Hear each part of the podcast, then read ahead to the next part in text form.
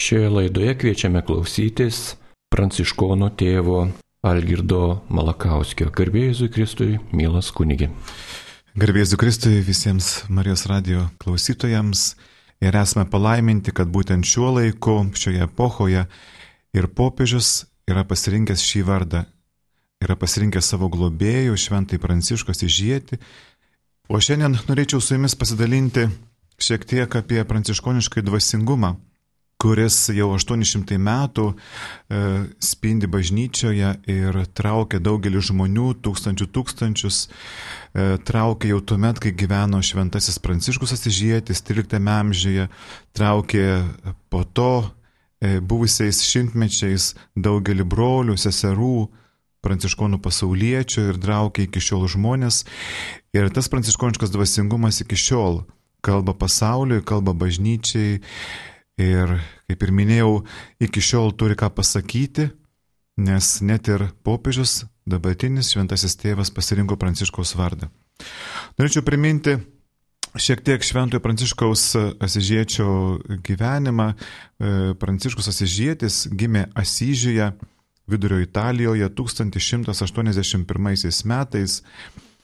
E, buvo pakrikštytas Jono vardu Tačiau tėvas sugrįžęs iš, iš užsienio kelionės ir sužinojęs, kad jo sunus pakrikštas Jono vardu, pasakė, ne, jo vardas bus Pranciškus, kas išvertus iš, iš italų kalbos, reiš, Francesco reiškia prancūziukas kadangi jo tėvas prekiaudavo su Prancūzija ir turėjo daug sentimentų prancūzams, jo žmona buvo prancūzė, taigi jis norėjo, kad jo sunus buvo pavadintas, būtų pavadintas pr prancūziuku, pranciškumi ir tas vardas jam e, labai prigijo. Pranciškus e, gyvena normalų Asižiaus Asižiaus e, jaunuolio gyvenimą, bendrauja su savo bendramžiais, leidžia linksmai laiką.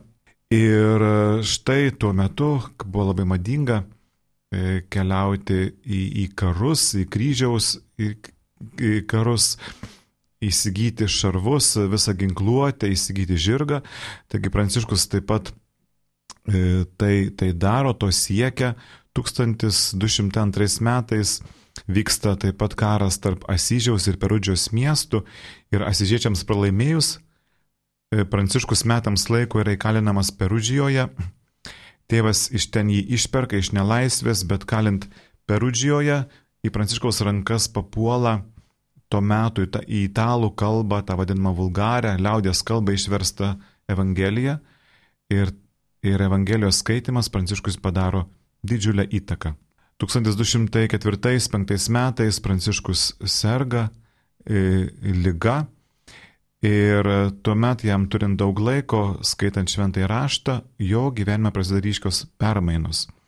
1205 metais mažoje Asyžiaus apylinkių Švento Damjono bažnytėlėje Pranciškus išvysta regėjimą, kurio metu Kristus jį pakviečia eiti ir atstatyti bažnyčią.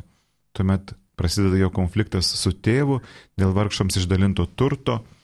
1206 metais e, Šventojo Pranciškaus Asižiečio tėvas e, Asižiaus viskopo teisme bilinėjasi su Pranciškumi. Ir tuomet Pranciškus atsisako teisių į turto paveldėjimą, apsivelka atsiskyrėlio rūbą, imasi atstatinėti savo rankomis Šventų Damjono bažnytėlę, atstato taip pat uh, Asižiaus apylinkėse esančias San Pietro porciunkulės bažnytėlės. 1208 metais Pranciškus per šventasias mišes išgirsta Evangelijos pagal matą ištrauką ir suvokia, kad jo tikrasis pašaukimas yra Evangelijos skelbimas visai kūrinyjei. Ir būtent tais metais prie Pranciškaus prisideda pirmieji jo bendražygiai. 1209 metai yra skaitomi mūsų ordino, mūsų vienolyjos įsteigimo metai, nes būtent tais metais Pranciškus su jau 12 brolių parašo labai trumpą regulą, savo gyvenimo apibūdinimą, iškeliauja į Romą, kur gauna tuometinio popiežiaus Inocento III palaiminimą jo bendruomenės gyvenimo būdui bei leidimą pamokslauti. 1212 metais, padedant Pranciškui Parcinkulėje, prie jo prisijungia Klara, šventoji Klara, kuri pradeda Dievui pašvestą gyvenimą. Ir šie metai būtent laikomi taip vadinamo antrojo pranciškoniško ordino įsteigimo metai, kuomet įkūriama Šventos Klaros neturtelių seserų bendruomenė. 1213 metais e, Toskanos grafas Orlandas pasikviečia Pranciškos įžieti į Toskaną, jam parodo gražų kalną, e, kuris e, turi Alvernos vardą ir tą kalną padovanoja Pranciškui kaip atsiskirimo eremo vietą. 1215 metais vyksta ketvirtasis Lateranų susirinkimas, kuriame nubrėžiamos svarbios gairės tuo metu bažnyčios atnaujinimui ir manoma, kad čia taip pat dalyvavo Pranciškus Asižėtis, greičiausiai ir Šventasis Dominikas. 1216 metais, tai būtent šiais metais mes švenčiame 800 metų, kai popiežius Honorijus III Pranciškui duoda leidimą švęsti porciunkulėje atlaidus. 1219 metais Pranciškus išvyksta į artimuosius rytus, į kelionę piligriminę į Šventąją Žemę, kurios metu taip pat aplanko ir Egipto sultoną Melek El Kamel.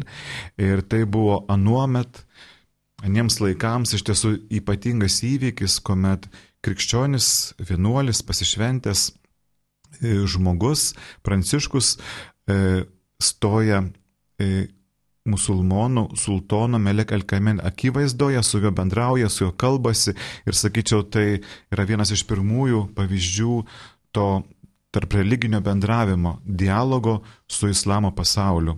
1223 metais Pranciškus parašo galutinę savo regulos redakciją, kurią patvirtina popiežius Honorijus III savo bule Solet Anuere.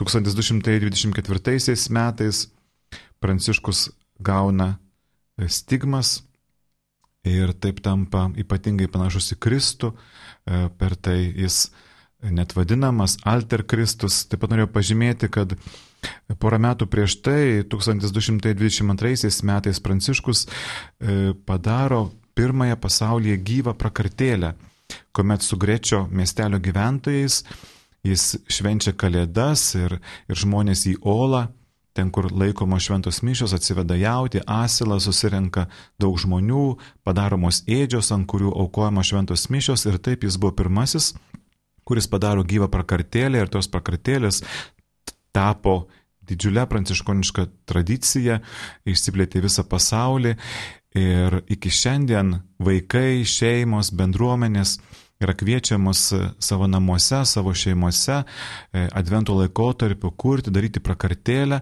ir būtent taip dar kartą prisiminti, kad vaikelis Jėzus, e, Dievo sūnus, Kalėdų metu gimė, atėjo į šį pasaulį labai realiai.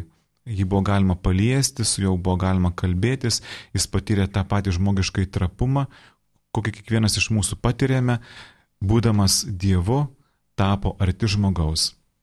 1223-26 metais spalio 3 vakare po Saulės laidos pagal vidurimžių liturginį kalendorių, jau tuomet buvo taip vadinamas spalio ketvirtoji, Pranciškus miršta porciunkulėje ir po dviejų metų, 1228 metais, popiežius Grigalius IX Asižijoje savo bule Mira Cirkanos Pranciškų paskelbė šventuoju. Taigi čia trumpai jo biografija. O pranciškoniško dvasingumo, sakyčiau, pagrindinė ašis tai yra Šventojo Pranciškaus Asižiečio dvasinė patirtis. Pranciškus savo testamente e, rašo, ir po to, kai Dievas davė man brolius, niekas man neparodė, ką turėčiau daryti, bet pats aukščiausiasis man apreiškė, kad turėčiau gyventi gyvenimo būdą pagal Šventąją Evangeliją. Taigi, kalbant apie pranciškonišką dvasingumą, šis gyvenimo būdas ir lieka mums atramos taškas, norint suprasti šventai pranciškų. Šiandien, e, kalbant apie pranciškonišką dvasingumą, mes turėtume, turėtume kalbėti apie, apie jungti ir harmoniją tarp šių trijų labai svarbių struktūrinių elementų pranciškoniškame dvasingume. Pirmasis tai būtų Šventojo Pranciškaus gyvenimo būdo, jo evangelinės ir charizmatinės patirties nagrinėjimas. Antrasis dalykas būtų tai viso pranciškonų ordino, pranciškoniškosios šeimos, kultūrinės ir dvasinės patirties istorijos tekmėje nagrinėjimas. Ir trečioji dalis būtų tai dabartinės pranciškoniškosios šeimos liudymo pasaulyje patirties nagrinėjimas. Ir pagrindinė pranciškoniško dvasingumo ašis, kaip ir minėjau, pranciškaus dvasinė patirtis, tai Jėzus Kristus. Pranciškus buvo ypatingai panašus į Jėzų Kristų ir bažnyčios istorijoje jis yra vadinamas Alter Kristus, kadangi jis tapo be galo panašus į Kristų. Taigi, nagrinėjant pranciškonišką dvasingumą, jį žvelgsime per, per, per šios tris išeities taškus, per pranciškų, per ordiną ir per dabartinės pranciškoniškos šeimos dvasinę patirtį. Ir pradžioje pabandysiu pakalbėti, kaip Pranciškus sutiko Dievą, kokia buvo Pranciškaus Dievo patirtis. Maničiau, kad kiekvienas iš mūsų kažkada gyvenime užduodame tokį klausimą, kas tu esi Dieve ir kas esu aš. Manau, kad nėra pasaulyje tokio žmogaus, kuris tokio klausimo nebūtų uždavęs. Ir kad ir kiek žmogus būtų prieartėjęs ar nutolęs nuo Dievo, kiekvienas, manau, gyvenime kažkada paklausia, kas yra Dievas, kas esi tu Dieve ir kas yra žmogus, kas esu aš.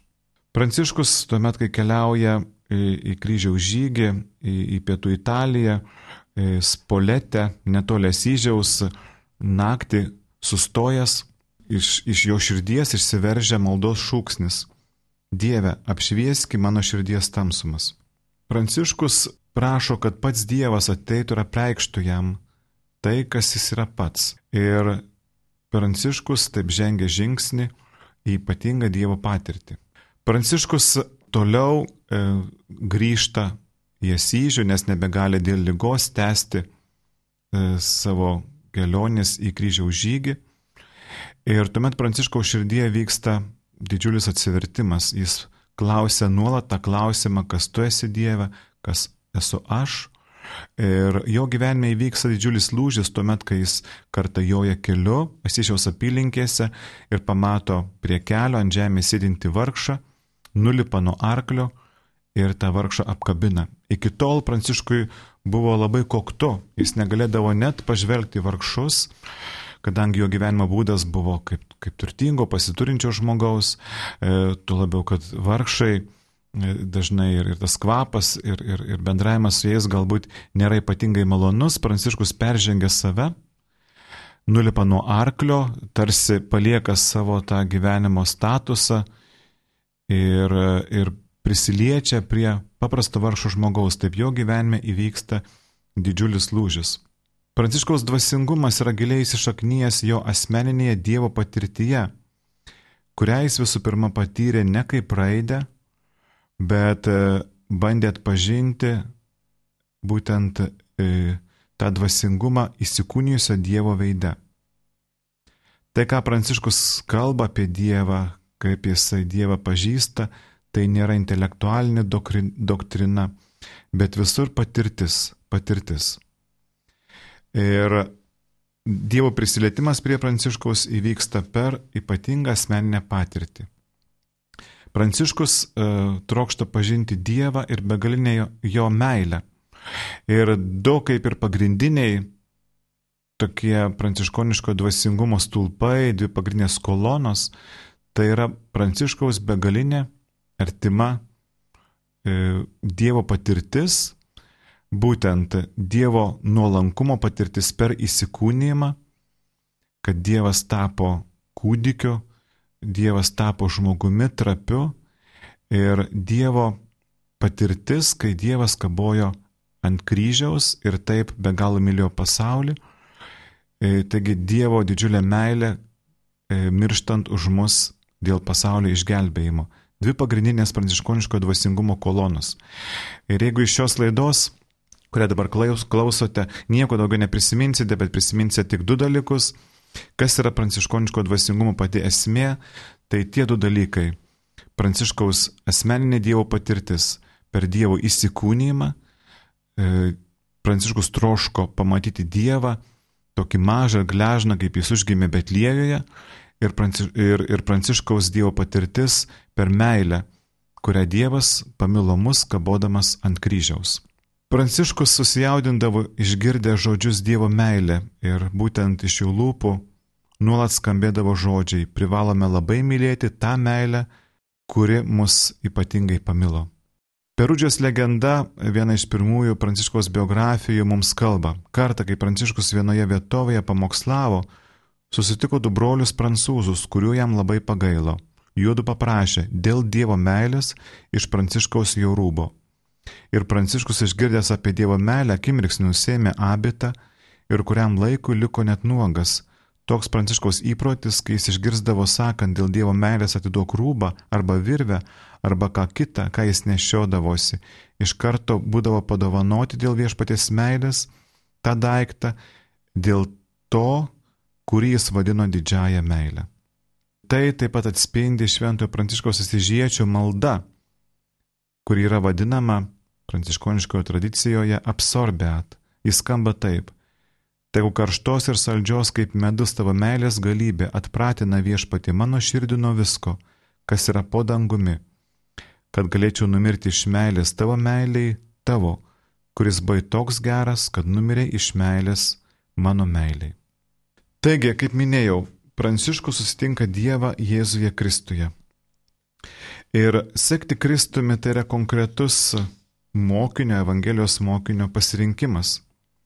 Pranciškus tapo kaip gyva Jėzaus biografija, taip vadinamu Alter Kristus. Ir Pranciškui sekti Kristumi tai nebuvo jį kažkaip tai kopijuoti, beždžioniauti, bet Pranciškus Kristų atranda po truputėlį palaipsniui jo persijimą. Ir turime tai pripažinti, kad kiekvienoje epochoje Kristus apšviečia gyvenimą ir gyvenimo situaciją savo šviesą. Ir šiandien mes nebegalime tiesiogiai sekti Kristaus taip, kaip kaip tai buvo daroma 13 ar 15, 16 amžiuje. Net ir dešimtmečiai prabėga ir turime naujai atrasti pasaulio tiekmę ir, ir atrasti Kristų toje pasaulio tiekmėje. Taigi, Pranciškus ieškojo Kristaus patirties ir tai nebuvo jam kažkoks paprastas arba prastas kopijavimas, bet buvo konkretus Dievo slėpinio paslapties išgyvenimas toje duotoje kasdienybėje. Pranciškus tam tikrą prasme formuoja, išranda, galima sakyti, savo gyvenimo būdą, pilną evangelinių vertybių bei evangelinio grožio. Taigi, Pranciškui Kristus buvo centras.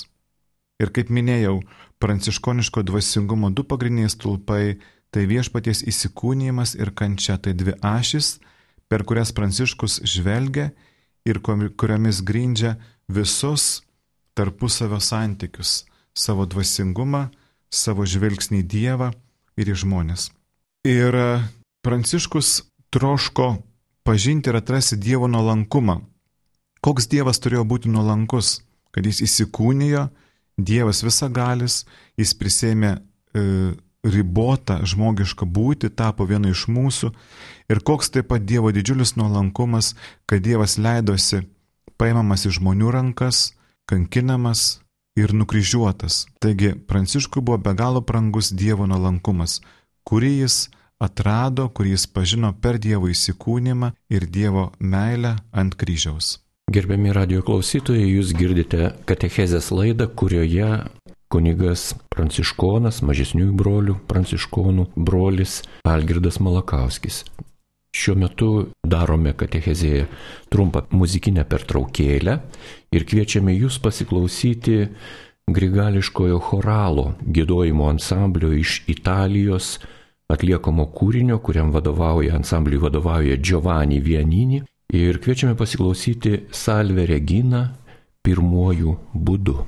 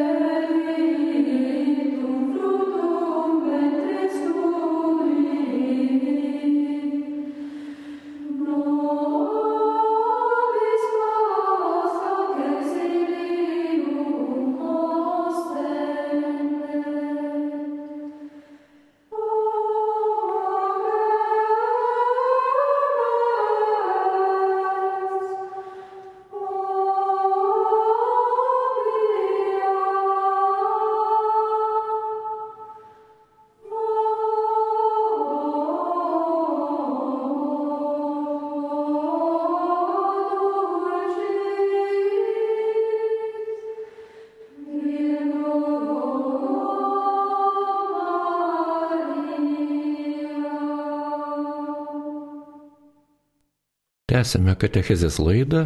Šiandien joje prie mikrofono su jumis pranciškonas tėvas Algirdas Malakauskis. Taigi, ką tik kalbėjome apie tai, jog Pranciškus, Pranciškus troško susitapatinti su Dievu, su Jėzumi Kristumi. Ir Jėzų Kristų jis visų pirma pažino per Evangeliją. E, Evangelija tai Dievo laiškas mums. Taigi Dievas prabyla į žmogų per, per savo žodį, o ypatingai paž... prabyla per Evangeliją, per gerąją naujieną.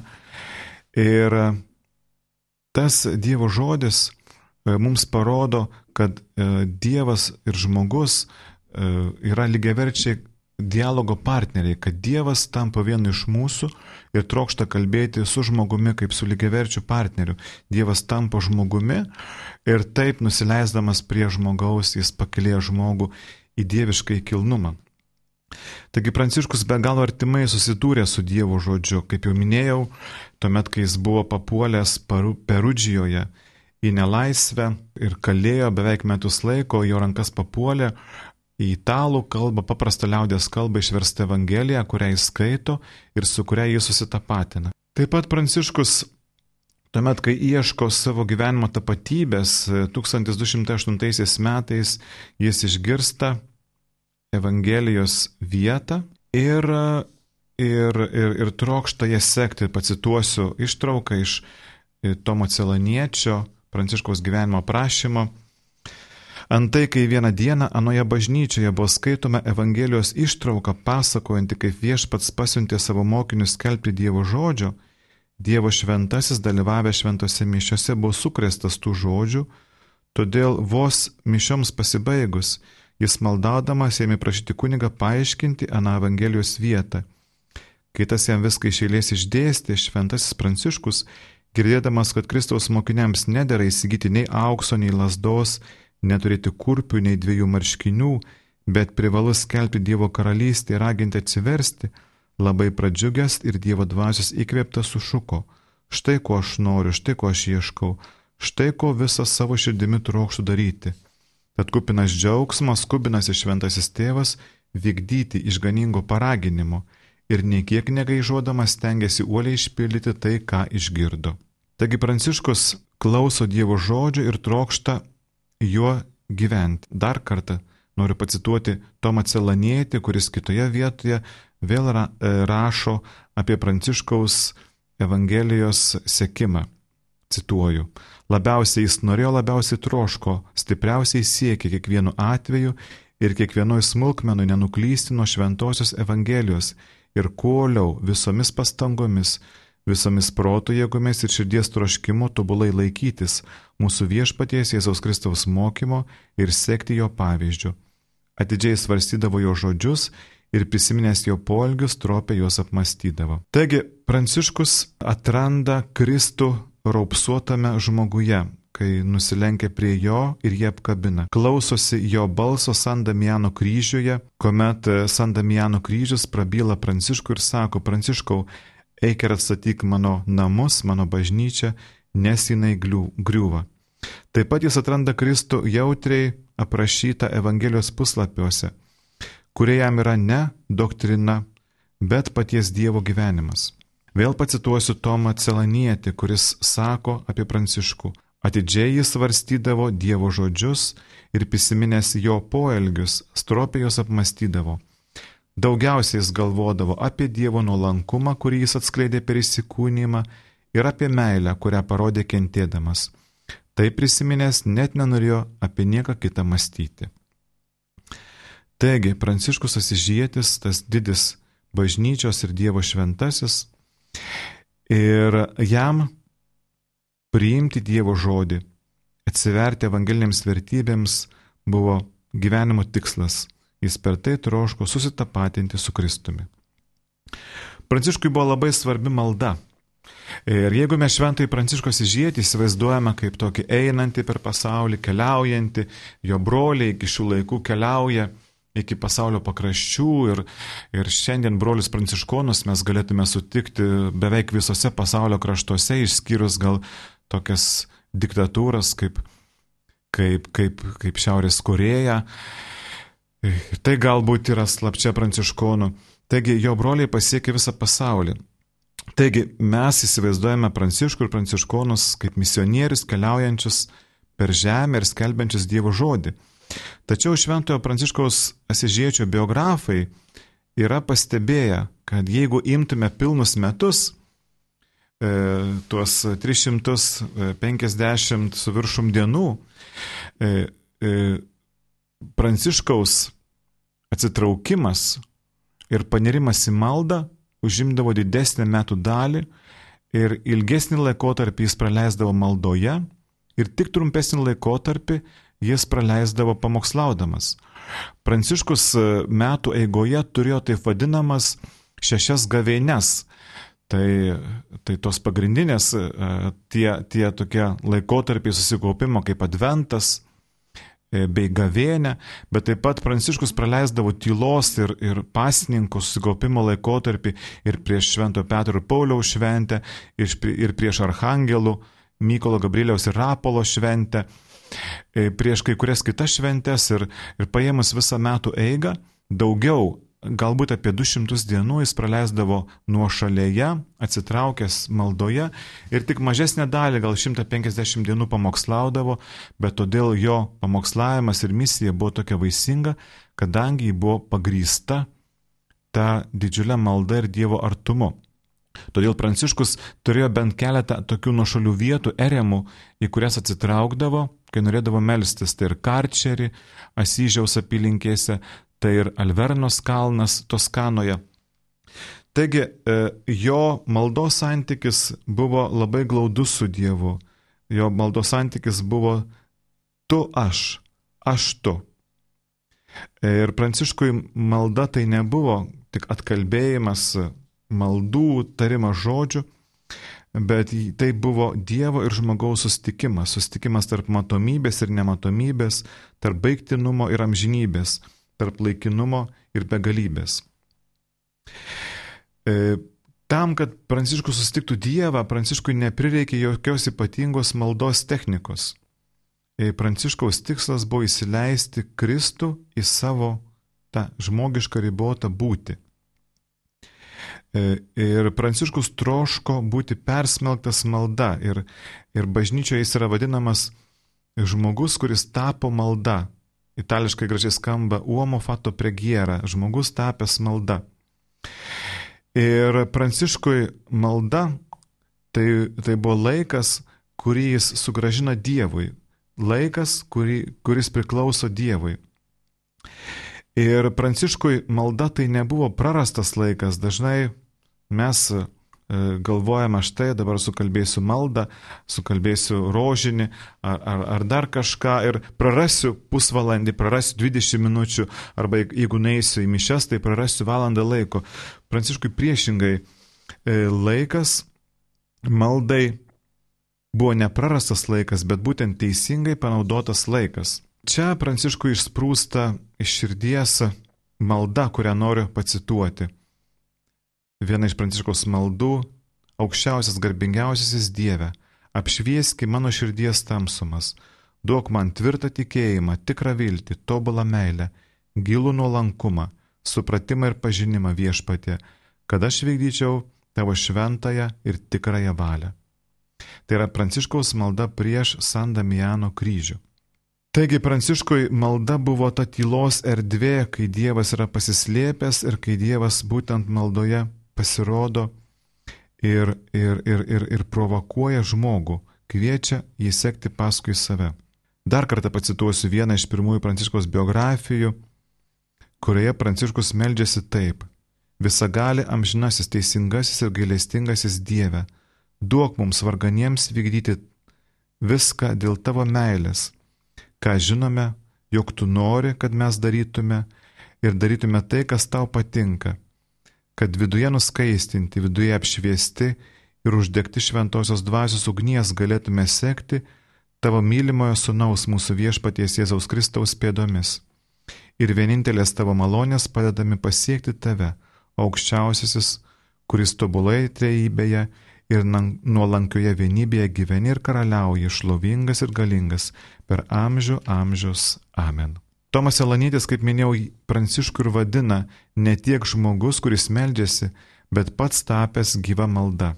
Ir Pranciškui, Pranciškus suprato, kad maldos užduotis e, yra tam, kad mes taptume laimingais, kad mes pažinę Dievą, pasinėrę į Dievą, tapę patys malda, būtume laimingais. Labai svarbus bruožas Pranciškaus gyvenime ir jo pirmosios brolijos gyvenime buvo brolyje, brolijos patirtis. Pranciškus tuomet, kai, kai, kai nusprendė sekti Evangeliją, jis suprato, kad į tai jis yra kviečiamas e, leistis į tą evangelinę kelionę ne vienas pats, ne kaip atsiskyrėlis, bet kartu su bendruomenė. Jis buvo draugiškas žmogus, turėjo daug draugų tuomet, kai dar buvo jaunuolis ir kai linksmai ir neatsakingai leisdavo laiką Asižiaus apylinkėse. Ir tuomet, kai jis pasirinko tą atsiskyrėlio evangelinį gyvenimą, prie jo pradėjo šlėtis jo bičiuliai, kuriem, kurie sutriko, pamatė Pranciškų, atsitraukiant ir, ir, ir bandant gyventi Evangeliją. Ir taip Pranciškus suprato, kad jo gyvenimo būdas yra brolyje. E, Pranciškus suprato, kad tai, ką pats jis patyrė tą Dievo artumą, yra kviečiamas dalintis su, su kitais, su kažkuo kitu. Jis pradėjo nuo savęs, tačiau suprato, kad ta dovana jo yra skirta daugeliui. Ir, ir čia taip pat noriu pacituoti Tomą Celanietį, kuris, kuris rašo apie šventąjį Pranciškų. Taigi, palaimintasis tėvas Pranciškus kasdien maloningai globojama šventosios dvasios, labai apdariai rūpestingai mokė naujosius brolius visko tokiais pamokymais, raginambas juos nenuklysti nuo švento ir neturtingo bei palaimingo paprastumo kelio. Taigi, Pranciškui brolyje tapo be galo svarbi jau su 12 pirmųjų brolių. 1209 metais jis keliauja pas popiežių, prašo palaiminimo jo gyvenimo būdui, popiežius jį palaimina. Ir, ir, ir, ir taip visas jo kelias buvo, buvo, buvo e, tas evangelinis kelias, buvo lydimas brolių. E, ir norėčiau pacituoti taip pat vieną iš senųjų pranciškos biografijų, e, tai tobulybės veidrodis, spekulum perfekcionis, kuriame pranciškus labai gražiai parodo, kas yra tobulas brolis, kas yra tobulas pranciškonas.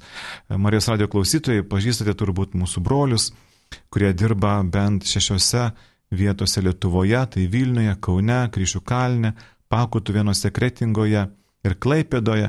Ir turbūt esate sutikę labai įvairių brolių. Ieškote galbūt tobulo brolio, bet galbūt to tobulo brolio ir nesutikote.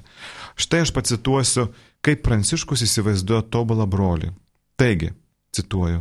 Kalbėjo, jog tobulas mažesnysis brolis bus tas, kuris savo gyvenime sugebės sujungti savybę šių brolių Tai brolio Bernardo tikėjimą, kuris tampa tobulą susijęta su meilė ir šventųjų neturtu. Brolio Leono paprastumą ir tyrumą, pripildytą švenčiausio skaistumo.